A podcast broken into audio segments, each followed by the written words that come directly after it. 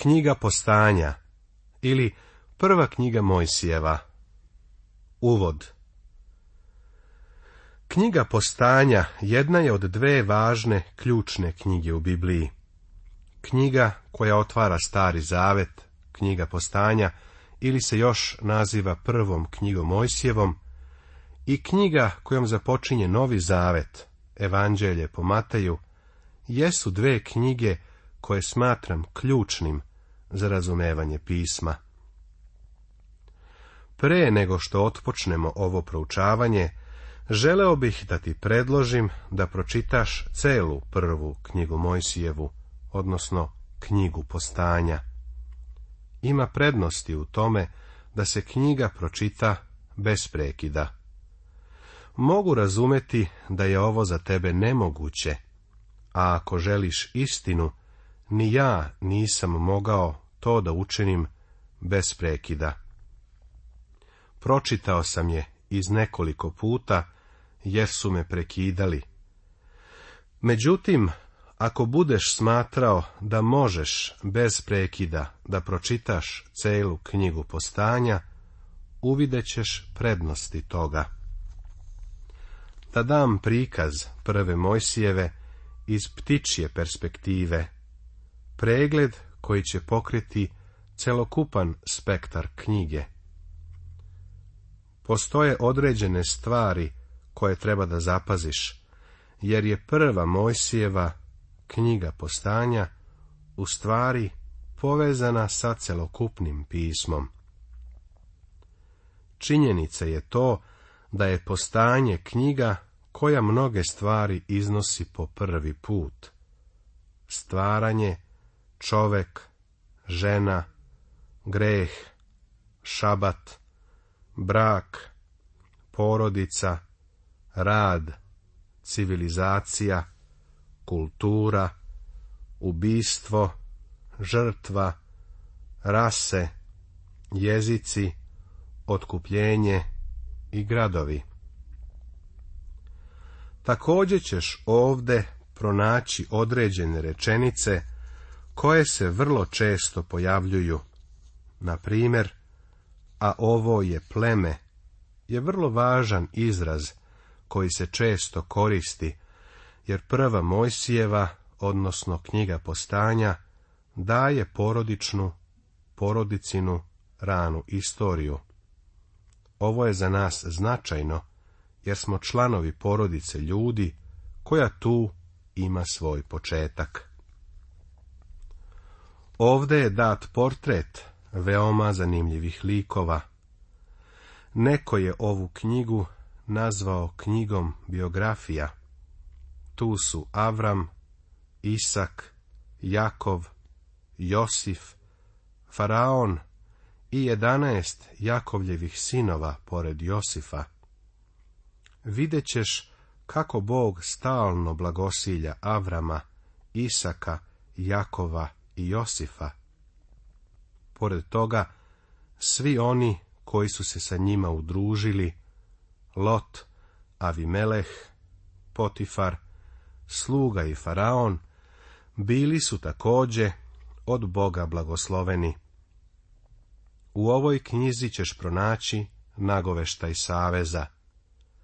Gospod se često javlja patrijarsima, ocima, posebno Avramu, Oltar je u ovoj knjizi istaknut. Otkriva se ljubomora u domu. Egipat izlazi pred nas onako kako se ne javlja ni u jednoj drugoj. Osuda greha se ovdje spominje i očigledno je voćstvo proviđenja. Dok proučavamo, treba da imamo na umu nešto što je Browning napisao pred dosta godina u pogrebnom eseju lingviste? Imaj na umu celinu, dok radiš na delovima. Mirno zamisli građu na kojoj radiš. Materijal. Čelik koji se u vatri obrađuje. Cigle koje se jedna na drugu stavljaju. Drugim rečima, stekni celovitu sliku ove knjige. Studentima kažem da postoje dva načina proučavanja Biblije. Jedan je pomoću teleskopa, a drugi pomoću mikroskopa. Prvo treba da stekneš teleskopski uvid. Nakon toga treba da je proučavaš pomoću mikroskopa veliki propovednik iz prošlosti, Robinson iz Engleske, napisao je nešto što bih ja želeo da neizbrisivo upišem u um i srce Božijeg naroda danas. Živimo u dobu knjiga. One se na nas izlivaju iz štampe u sve većem broju. Uvek čitamo priručnike, udžbenike, članke, knjige za posvećivanje, kritike, knjige o Bibliji, knjige o evanđeljima, a sve su prožete pohlepom. Koliko vremena i truda ulažemo u razmatranje samih evanđelja?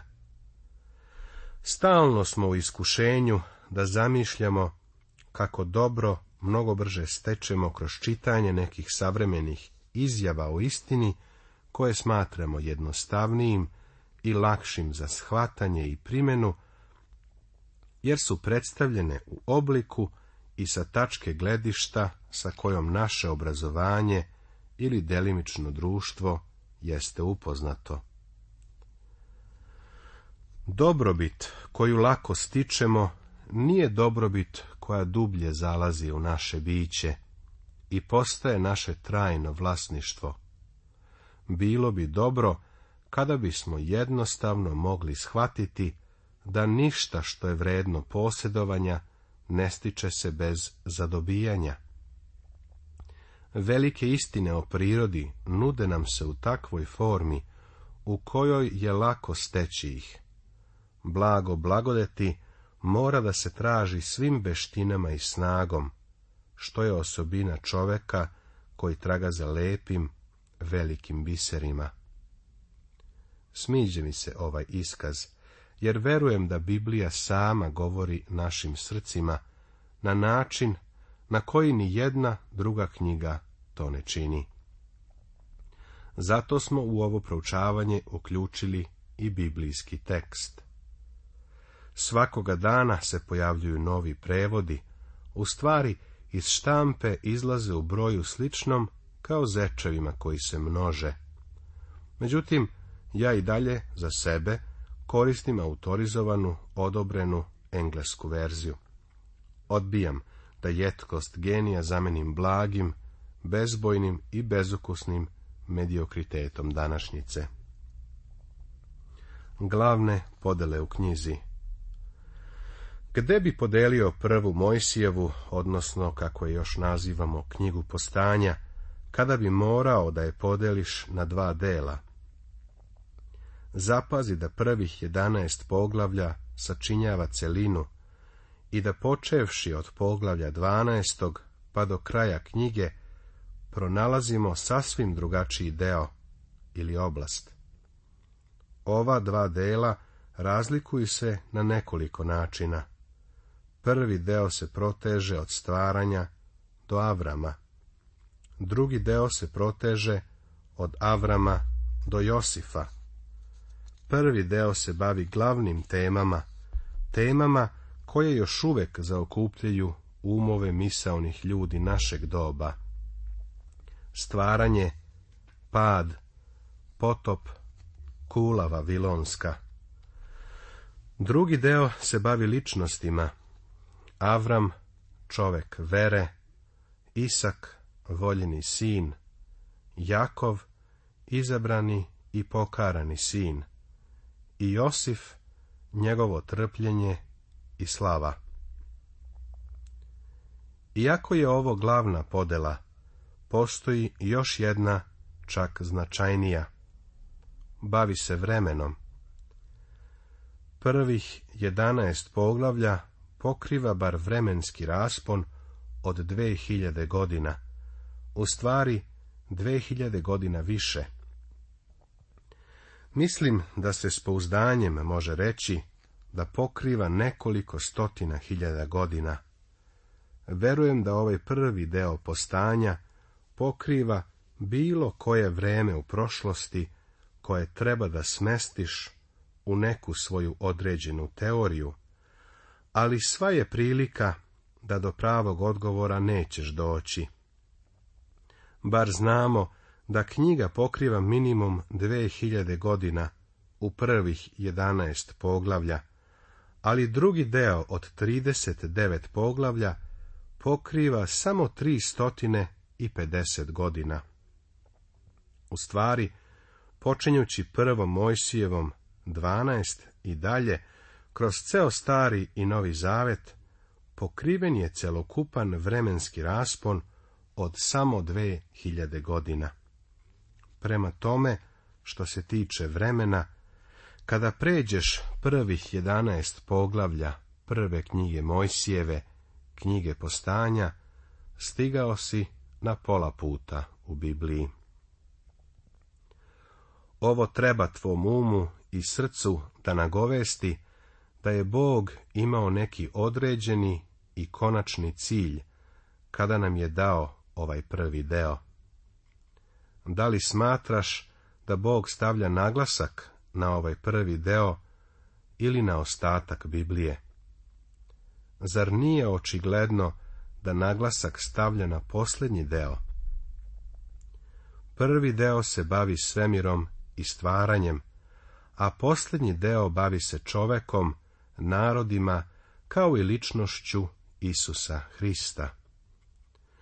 Bog je više bio zainteresovan za Avrama nego za ceo stvoreni svemir. I, prijatelju, Bog je više zainteresovan za tebe i više vrednosti tebi pridaje nego celokupnom fizičkom svemiru. Da dalje ovo ilustrujem.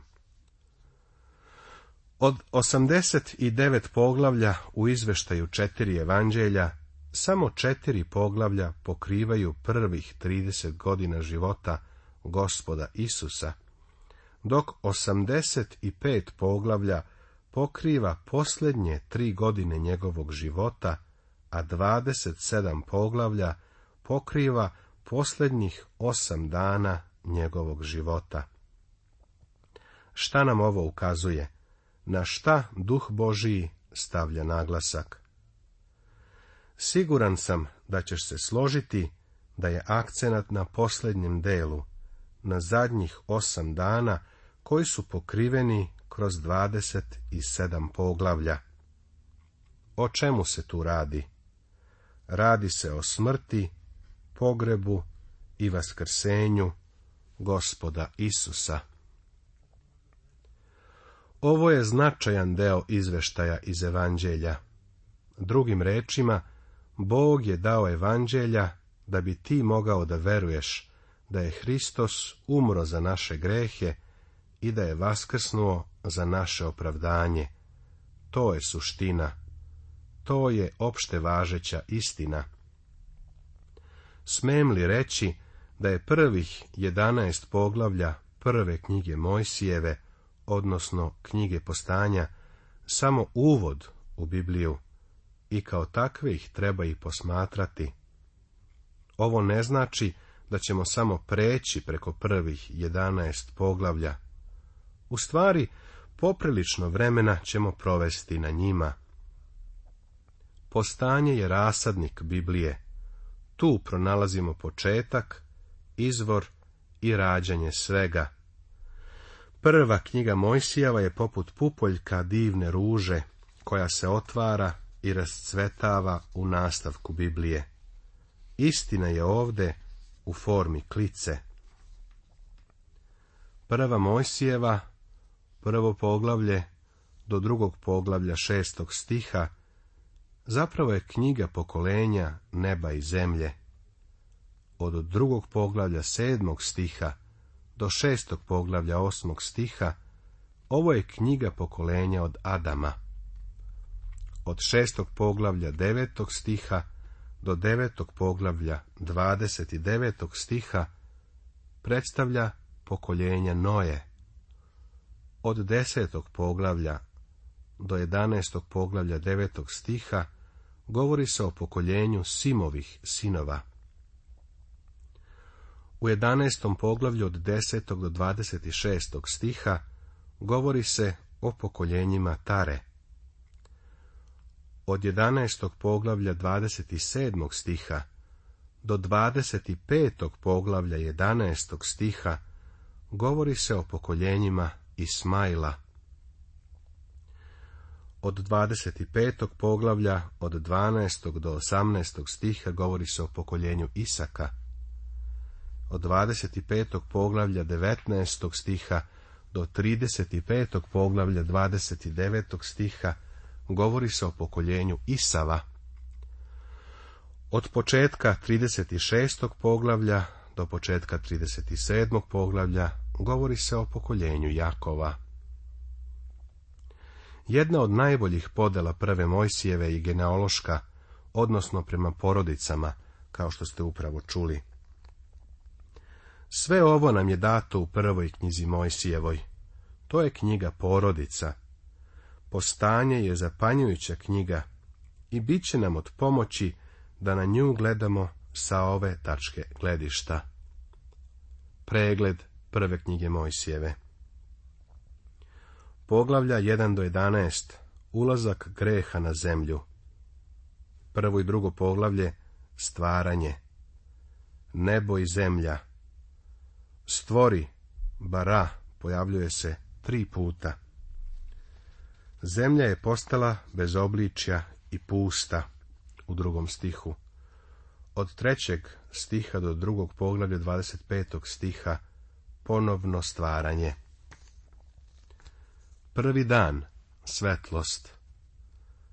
Drugi dan svodovi i vazdušni prostori. Treći dan pojavljuje se suva zemlja i biljni život četvrti dan pojavljuju se sunce, mesec i zvezde. Peti dan životinski svet, biologija. Šesti dan plodnost stvorenja i stvaranje čoveka. Sedmi dan šabat. Rekapitulacija stvaranja čoveka poglavlja 3 i 4.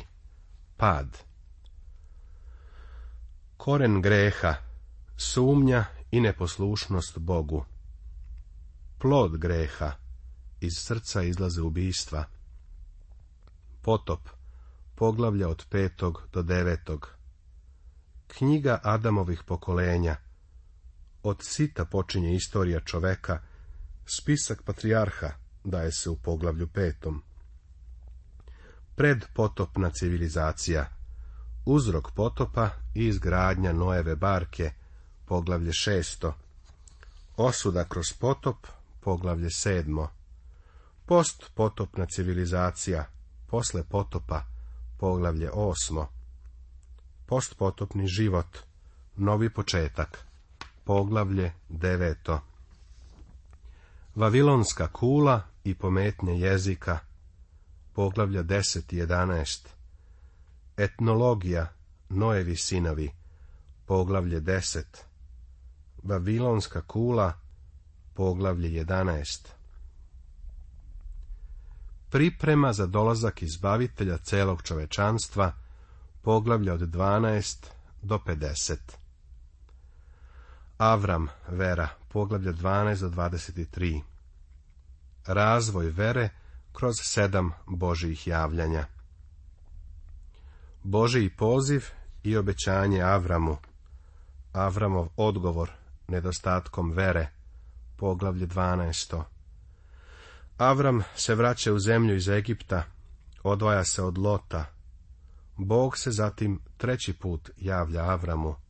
Poglavlje 13. Prvi rat. Avram oslobađa Lota prvi sveštenik, Melhisedek, blagosilja Avrama, poglavlje 14.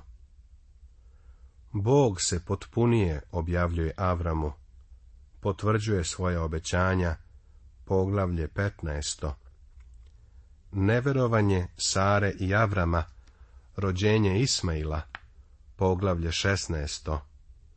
Bog stvara savez sa Avramom, Avram postaje Avraam, potvrđuje obećanje dato Avramu za sina, poglavlje 17. Bog Avramu objavljuje nastupajuće uništenje Sodoma. Avram posjeduje za njegove stanovnike, poglavlje 18. Anđeli upozoravaju Lota. Lot napušta Sodomu.